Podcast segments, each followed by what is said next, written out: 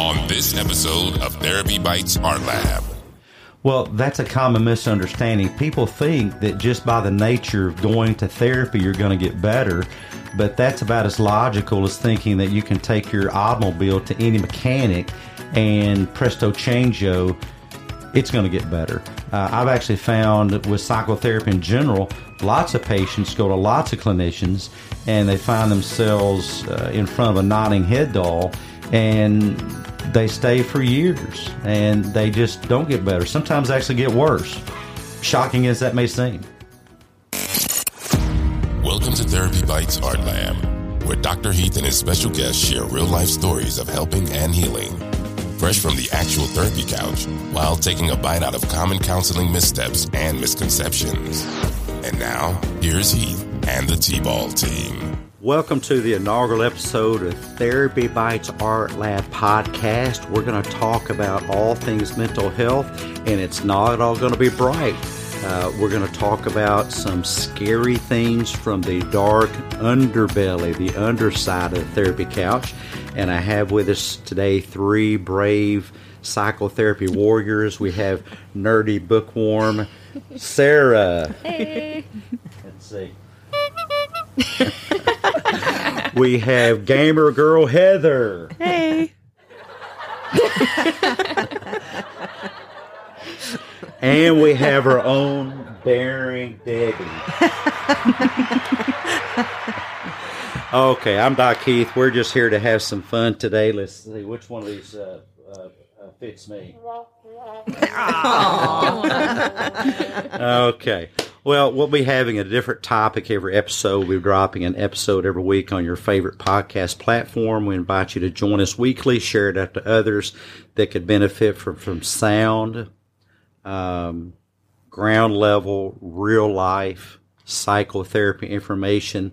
None of the crap you get on social media. This is evidence based psychotherapy techniques, and we're not going to be shy about challenging some of the social media Kool Aid drinking pseudo psychological nonsense that you might see out there. Uh, today, we're going to talk about some unfortunate things, some spooky, scary things. This is spooky season. Halloween's coming up. Uh, hope everybody's ready for it. I, I maintain my Halloween mask year round. This is my costume. And uh, yeah, scary, huh? and uh, um, today we're going to talk about some uh, kind of spooky things. Uh, some people think that by going to therapy you just get better. I wish that were so. It's actually the case that if you don't get the proper therapy at the proper frequency, uh, the proper protocol, uh, a therapist that engages you and challenges your thoughts, actually some pretty bad things can happen. I've had people, patients tell me that they've actually gotten worse from going to different um, ABC, XYZ psychotherapist. And we're going to talk about some of those stories today. Uh, uh, we're not going to share names. Uh, this is going to be anonymous. You're not going to be able to identify any patient from our stories. Some of these are patients we might have had 10, 15, 20 years ago. I'm kind of dating myself there.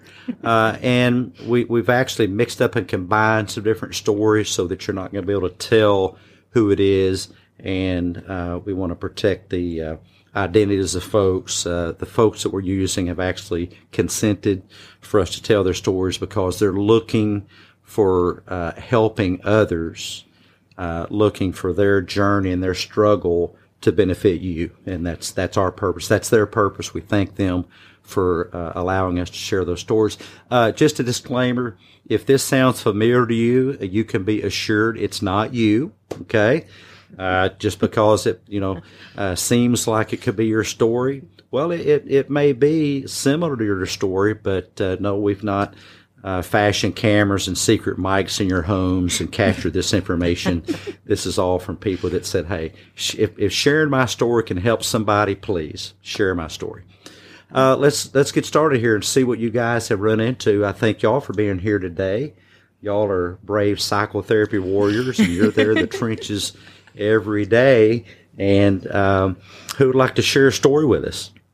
Well, I I think um, some of the some of the sad stories that I've heard is um, from multiple people. This like like you said, this isn't one case. I've heard this many times. Is people being told that they can't be helped, that uh, Wow. they're a lost cause, they can't be helped, and um, there's nothing that, that there's no hope for them in life, and that just baffles me to think that any therapist would tell somebody something like that. You know, I've also heard people who um, have had behavior issues with anger years ago, lots of years ago, being told, you know, to get a baseball bat and go outside and hit a tree and and that's going to cure your That anger. sounds like that would hurt. that poor Yeah, you know, I did that when I was a kid. I wonder if that was a therapist's intent. You know, it's uh, uh, pain therapy. you know, it's maybe like it what is. about Bob? It's it's death therapy or something. you know, baseball bat therapy. I think your hands will be stinging, your ears ringing for weeks after that. You know, aversion therapy. There you go. For the tree. Oh, poor tree. Yeah. I'm a tree hugger. You know, let's, let's, Oh, let's, let's take it easy on the trees. I, I've, I've spent quite a bit of money. I had two trees in my front yard, and I paid a tree service to actually come and uh, uh, administer medication to those trees. Not psychotropic medication, actually tree medication. And uh, my trees were not uh, having an anxiety problem. They weren't depressed. I don't know. Do trees get depressed? Maybe they were depressed. Maybe I wasn't hugging them enough. I think Maybe it was that's a why they lose parasite. their actually. leaves in the fall. Oh, is yeah, that- they shed their leaves in the yeah. fall. Yeah, sad trees. Uh, that's just uh, survival mode for trees. They go into hibernation like bears in the winter. Uh, but yeah, aversion therapy. It, it, it's amazing to me the things that uh, clinicians come up with. I'll share a scary story that just really flabbergasted me. And I, I've seen lots of kids who have been sexually abused. And by the way, I'm going to slap up a MA rating. Uh, here's your alert. MA rating here. This is adults only. Uh, a lot of kids who've been sexually abused will start to act out sexually. And I've seen children as young as five and six years old develop a addiction to masturbation. Uh, I, I've had several cases, not just one. Uh, I'd hate to think this was the same clinician. Uh, probably wasn't. They came from all over. That actually, uh, with this, uh, uh, with several children who were masturbating with objects. I mean, imagine a, a child masturbating with objects. Uh, that that different clinicians had recommended that the family go to Walmart and buy a an object that would allow the child to masturbate safely with that object. Uh, promoting masturbating with objects. I mean, imagine that. Where I, I've, I've not had any course in all my years in college, and I think if I counted up after high school, I was in college. This sounds awful for 16 years, and none of those courses in any book that I see anywhere buy a child an object with which they can masturbate with. I mean, holy crap! I want to ask therapists that recommend that. Listen, what are you smoking? I mean, and can I have some of it? No, I'm just Wait a kidding. minute. I mean, are, are you hallucinating? Why would you recommend this to the family of a child to promote this? Uh, I'm thinking as a therapist that does treatment for PTSD, uh, how the child is re-engaging and reliving the sexual abuse every time they use that object. And you might say, wait a minute, uh, but aren't they having pleasure? Well, see, that's that's that's a misunderstanding of PTSD. Uh, uh, uh, over assimilation and reenactment doesn't just have to be all negative. I mean, the reenactment can be pleasurable. That's why we see patients become very sexually permissive, uh, both male and female, after they suffered trauma from sexual abuse uh, or rape. And by the way, just to clear up a misperception, as we call it, myth perception, it's not just women who get raped. I've had a good number, that's kind of, that's an oxymoron, a good number of men uh, who've been sexually molested. And it's, it's, it's, it's not just women. I mean, it's, it's both. Is it typically women? Yeah. but there's a whole segment of men out there, and I've had um, in my years uh, quite a few. Uh, I'd say 30% in my experience, uh, 25 to 30% of patients that I get for sexual abuse actually uh, are men. And here's a really scary story. Uh, the abusers will will train them, groom is the word, groom them with secret code words so that they can communicate with them and no one else will know what this means. And one of those terms was, uh, I mean, it's, it sounds disgusting, but my favorite food, one of my favorite foods, uh, I, I, I love sugar-free applesauce.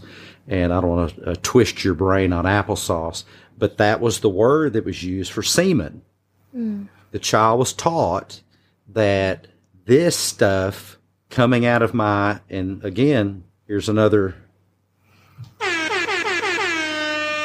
mature audience warning. This this is not a podcast episode for kids. We'll make sure that we store it as such. Um, was taught that this uh, substance coming out of this man's penis was applesauce. Oh goodness. and that's how the child referred to this. And the scarier part of it is, since it was just the child's word to the clinician, when this was presented in court, nothing happened. Nothing happened. No one was charged because there was no audio, there was no video, there was no recording of any kind. It was one one one kid's word, and um, I mean, I, I, get the criminal justice system, and there's got to be controls, but um this this person that committed this abuse got away with this. That's one of the, I mean, not the scariest because I've had I've done therapy with some serial killers, and we'll get to that in a little bit. But uh, when it comes to just a tragic story, that was a very tragic story. Uh, have you guys run into cases similar to that? Similarly tragic. Wow. I mean, I don't know if I can. Well, I don't want to say top it because that's not something you want to top, but um, just something that kind of comes to mind whenever um, I was working uh, at a at a different place. I was working somewhere else, and um, I would, you know, do the intake with the with the patient, and I would only get to see them for what like an hour, hour and a half. But you have to put a diagnosis on the intake so that way insurance will cover it, right? Um, and so I'd give them, you know, the least the least diagnosis that I could. So maybe like unspecified anxiety or something like that. And then they would go off and they would see the psychiatrist who saw them for, you know, even shorter time that I saw them. They'd come back to me and I'd look on their chart and they had like five or six diagnoses and usually one of them was a personality disorder. Um, and I was just like, oh my goodness. right. I was like, oh my, oh my goodness, a personality Red disorder. alert! Red alert! Red Right, alert! I mean, no human being has six psychiatric diagnoses. No. And I mean, it, it. This is a case where more is not better. Right, right. oh, and it gets worse. It gets worse because they the the psychiatrist would tell them list off six diagnoses to the patient, wouldn't tell them what any of them meant, and send them back to me. Mm. And so then I'm in the wonderful Holy crap, crapola, Batman! right, right. And then I'm, I'm Here's in your the- six diagnosis. I'm not going to explain it. It's it's beyond you. Oh my ah, god. But here's your new six labels. Right. And I'm in that wonderful position of having to describe to this poor person what these what these mean and trying to do it in a gentle way because I can't go against what the psychiatrist said, but I Of don't course not. I don't want them to be like, "Oh my goodness, I'm am I crazy? Is there something really wrong with me?" I worked with a doctor one time whose initials I won't say it was, but I, I kid you not, the initials were G O D. Oh The physician signed the charts. G O D was referred to as Doctor God. The worst Oh, thing in my profession Oh my is we get so full of ourselves. Listen, a doctor is is also a human being. Uh, just because you become a DOC, uh, a DO, an MD, a PsyD, a PhD, which by the way I've told stands for piled higher and deeper, right? Says. Yeah. Uh, we all know what BS is. Uh, Uh, MA, MS is more the same. Uh, PhD, piled higher, deeper, and that's uh, coming from a, a dual doctorate uh, PhD. It's funny, uh, but but that doesn't mean that we that we are beyond questioning. Uh, by the way, this relates actually to a study in the airline industry. There are studies, and, and you could probably Google it or see this, where uh, pilots at one point were not to be questioned Wow. and there are some cultures that it was even worse that that you know you could actually be slapped uh, a, a superior officer on an airline has been known uh, the captain has been known to slap a subordinate if the subordinate questioned them Wow. and and that's a whole cultural thing that I won't get into. But the point is, there were more. Guess what? There are more more crashes. if if you can't question the person at the top of the food chain, so to speak, you're going to have more adverse outcome. There were more crashes. Now, You're listening to Therapy Bites Art Lab, bite sized therapy for your brain with Dr. Heath and the T Ball team. The best advice on the net. No copay required. uh, the FAA uh, jumped on this. Good for them. And then our country's FAA was requested to send trainers to other countries to teach them how to integrate into the culture of their airline. Question, question your superior. This engenders safety. Questioning your superior. Um, uh, there were uh, in, in QA quality assurance when I was doing surveys. The um, one of the things that we trained is to check, check, check. Uh, when the doctor gave an order, to read back the order. Mm-hmm. Uh, these days in ORs, they will go around the table and make sure all the other professions, just like the launch of a of a space capsule, you know, are you good to go? Are you good to go? Are you good to go? Mm-hmm. But you know, mm-hmm. strangely, that is lacking from the mental health industry. If the if the doctor God prescribes this reality, it is supposedly beyond question. And makes me think uh, what a very dangerous situation for patients that there is a culture in the mental health system that you simply do not question the doctor. And who pays for that? The the client, the person, the patient pays for that. Yeah. And I think that's obscene. Yeah. If you want obscenity, um, Yep. uh, that's obscenity. Yeah. Question, question, question. And that makes me kind of think of too when we were in school, um, we had this get together with a bunch of different professions. We had nurses, doctors, MDs, ODs. Um, I don't think psychiatry made it, but um, they were invited. It was just a bunch of different health professions, uh, the College of Health, um, Nursing and Health, and we were brought together, and they started, you know, talking to us, you know, breaking us out into groups where we had one of each group in our circle and we were talking about communication and what everybody does. And it was always the doctors who seemed to kind of, I don't want to say lord over, but you know, like head the thing. Yeah, um, they had that, you know, that God complex of, well, I know everything. And oh, you're just a measly like social worker. You can do the discharge planning and you, we need a psychiatrist to do the therapy and, And, we and need, we give the Yeah, social worker yeah. everything we don't know what to do Yeah. with. Exactly. No, Yeah. I, I shocked. I shocked one of their pants off, and when I when I because I went through That that, sounds same very thing embarrassing too. for the doctor. I can imagine. I mean, I was on a survey one time and came out of the bathroom early in the morning. And and here's where not questioning gets you because literally this happened. I walked around in my white coat, literally a white coat, mm-hmm. in the facility all day.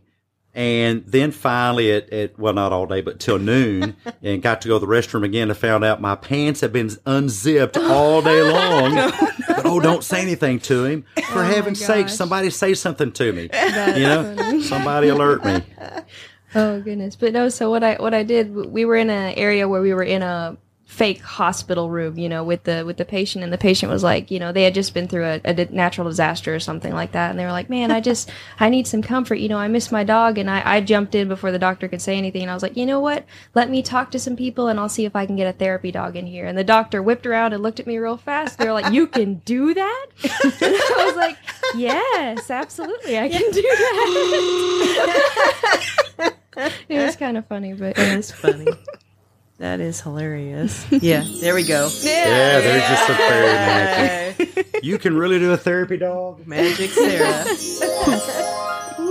Presto.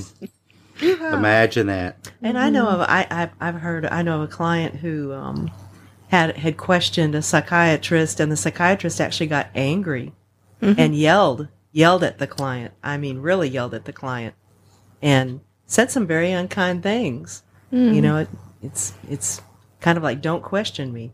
wow. And this client had had been through all kinds of stuff, and was just terrified because of all the side effects that they'd experienced from different medicines. Just wanted some reassurance, you know mm-hmm. Yeah. that I'm going to be okay taking this. And and boy, I guess I guess he put the hammer down. Put the hammer down. Well, listen, all you patients out there, clients, customers, consumers, human beings. Mm-hmm. I mean, th- that's that's who we're treating. We we are we're not treating these things called schizophrenics. That's a label that doesn't exist. We're not treating alcoholics. That's a label that doesn't exist. No offense to my NAAA brethren, but once an alcoholic, not always an alcoholic. That is a label. You do not become your diagnosis. One of the worst things we do to people. Um, and, and even clinicians, even clinicians. Now, clinicians, I'm going to give you an alert. This, of course, this could cost you your job, but it could teach somebody a lesson. Uh, I did this one time. I've done it with several people, by the way, because I'm a bit of a shock jock. Um, you know, people ask me, they'll say, you know, I tell people the story. I think my mission, like Samson in the, in the good book, you know, he, uh, uh, said he slew his enemies with the jawbone of an ass. And I had somebody ask me recently, Oh, so you're Samson? No, no, I'm the jawbone of the ass. yeah, that's who I am. yeah, here's the job on the ass talking. I, a good number of people would really agree with me on that. Um, but I've used this before. When when you see a a, a medical professional go off uh, at you and become discourteous, you express your concern and simply ask them, "I'm sorry, are you constipated?" I mean, that could be. I don't feel good when I'm constipated. I mean, I don't know why they're going off at you, but it's certainly nothing to do with you. If you're that patient where some medical professional went off at you, that is not your problem. Their emotions belong to them. Uh, you should not blame yourself for that. You have done nothing wrong, and you do not have to take that. Uh, you are the customer. Exactly. They are supposed to be there to help you. right. Uh, right. Now, I'm not sure what clinical technique that would be. Uh, yelling at a patient. i mean, unless their head was on fire. Hey, your head's on fire. I mean, I would, I would yell at them and maybe throw them in the pool or something and help them, help them put their head out. But yeah, a, a lot of uh, clinicians they do develop this uppity, you know, um, um, mystique about them that mm-hmm. they can do no wrong, and it's it's almost as if they, you know, you think that they'd never go out in a rain shower uh, because they would drown. you know, all the water goes down their nostrils. I mean, look, the the best thing that we clinicians can ever do with the people we serve is to show our humanity mm-hmm. Mm-hmm. to to show people that we can have a difficult time and manage that. Uh, to show people that we're not flawless. Uh, I mean, to I, I- tell folks that that in therapy, this is is not real life, uh, but it is practice for real life. And I'm here to help you practice real life. Just a, a quick thing. I, I did a, a series of videos, psychotherapy from hell. That's up on, yeah, psychotherapy from hell. Uh, That's up on Instagram, and we're putting it up with some little uh, quirks and graphics on uh, YouTube also, but uh, uh, it, it is not the best therapy technique to go to therapy and what you get is this dizzying effect. right. yes. I mean, the bobbing head doll therapy technique. Come on, guys. Listen, I didn't learn that in college. Yes, this, I know this is called a minimal encourager. Yeah. Uh huh. Okay. But if that's the only therapy that you're getting, uh, well, that's that's not therapy. I mean, it, it's a cool technique, but it's like going to a mechanic that only has a screwdriver. He needs to have a whole toolkit. Okay, what are some other stories, some scary things for the spooky season we can talk about? We have a few more minutes left in our episode today, and we'll be back next week for our next episode. But we're going to drop all these at once to encourage uh, some binge watching, binge listening. That way, you don't got to wait to get your second dose of therapy bites. Um, kind of on the same lines of what you were just talking about with like the nodding head. I've had clients that have told me that they've been in therapy for like 10, 13 years and they haven't seen any progress. Nothing has changed. The therapist just looks at them and is like, Oh, so how was your week? And, Oh yeah, that is difficult. Hands them worksheets on mindfulness or grounding or, and doesn't tell them how to do it. It's just like, here, this should help. And they've been doing it for like 10 years. And it's like, they, they come and they're like, I've learned you, you actually explain things. I'm like, well, yeah, um, yeah, we were supposed to talk about this and tell you how to do it. And they're like, I, mean, I don't, I, they just gave me a paperwork and I just didn't know what to do. Oh my goodness! Yeah, I mean, I I I think that uh, uh, there are therapists that would do very well in the twin industries of uh, behavioral health and uh, the funeral home business Oh dear. because because you know, I mean, really think about it. I mean, I, you might see places pop up like this. I mean, kind of kind of sort of tongue in cheek, but really, uh, you could get people in for psychotherapy and then sell them a casket. Because if they stay with you long enough, you could also bury them.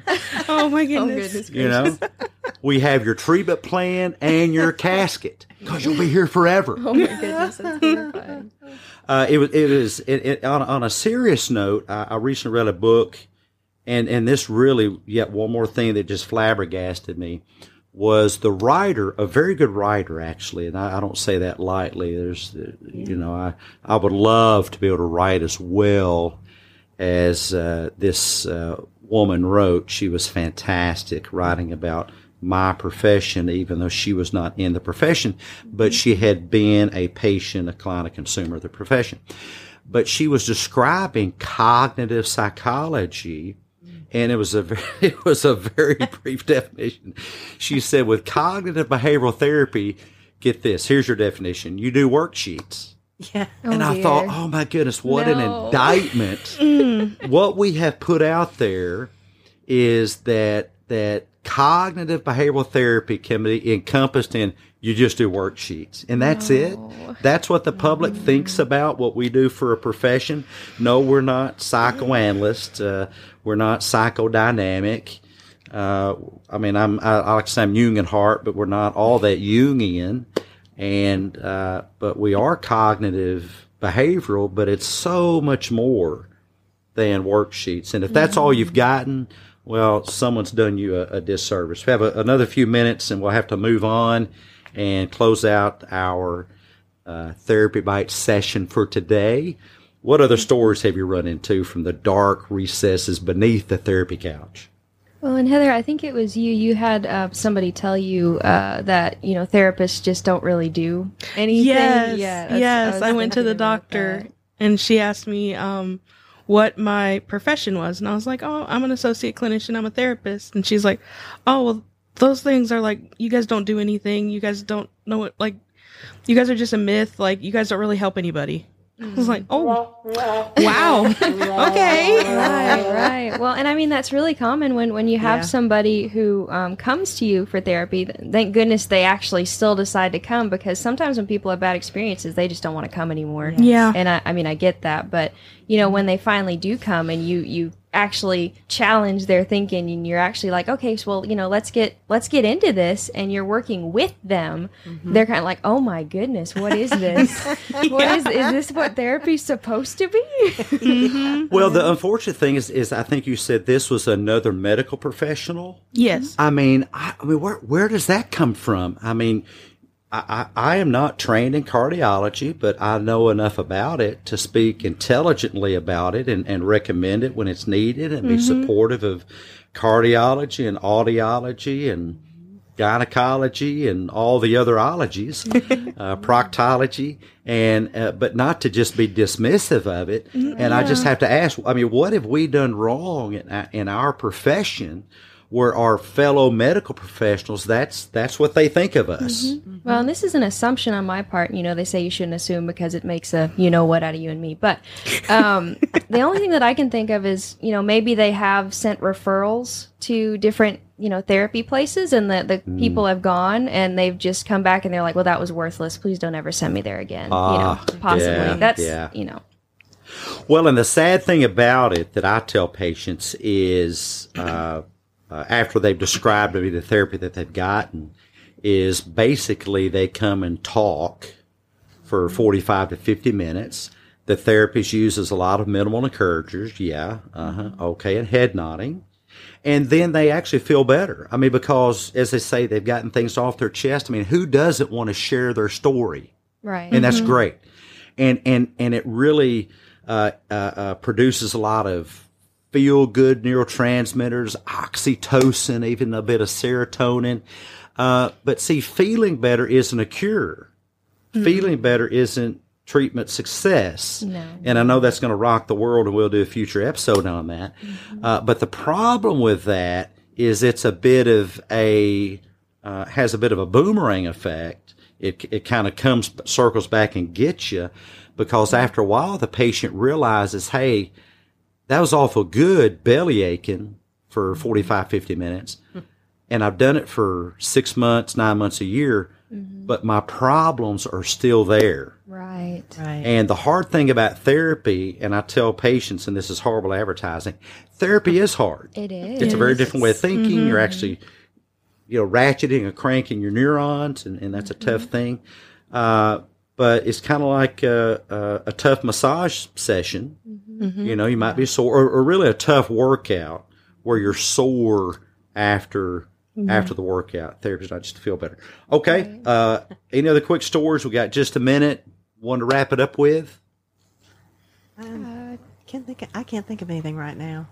Okay, I, I I guess the, the, the worst thing I've heard people told is you will have this diagnosis forever. Yes. You will always be this way. Just give it up. One of my favorite people in the world, though I never met him, and it's the story of Kim Peek, and you know him as Rain Man.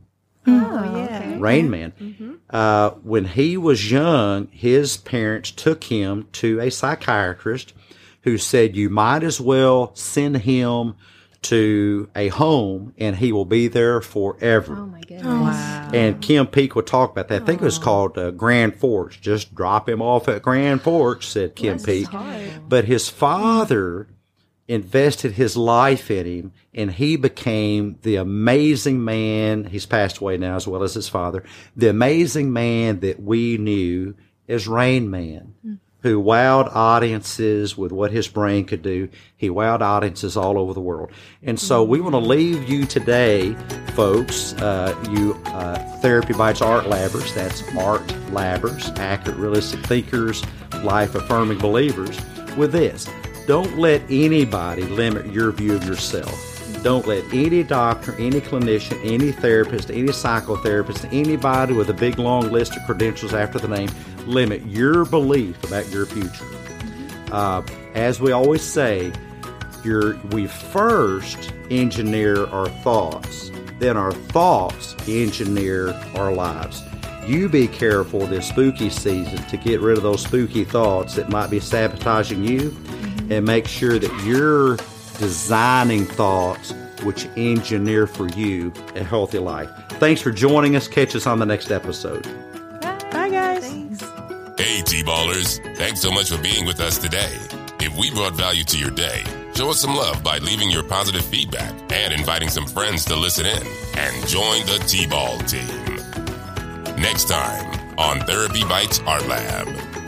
Well, yeah, I mean, therapy uh, can be really spooky, and, and, and I think therapy can be very, very scary. And that's probably the toughest thing about it is patients come to us and they're really set in these patterns. And the brain is really meant to have patterns and patterns are interpreted as safe and absence of those patterns is interpreted as danger. But healing is going to require pattern disruption. Therapy is all about pattern disruption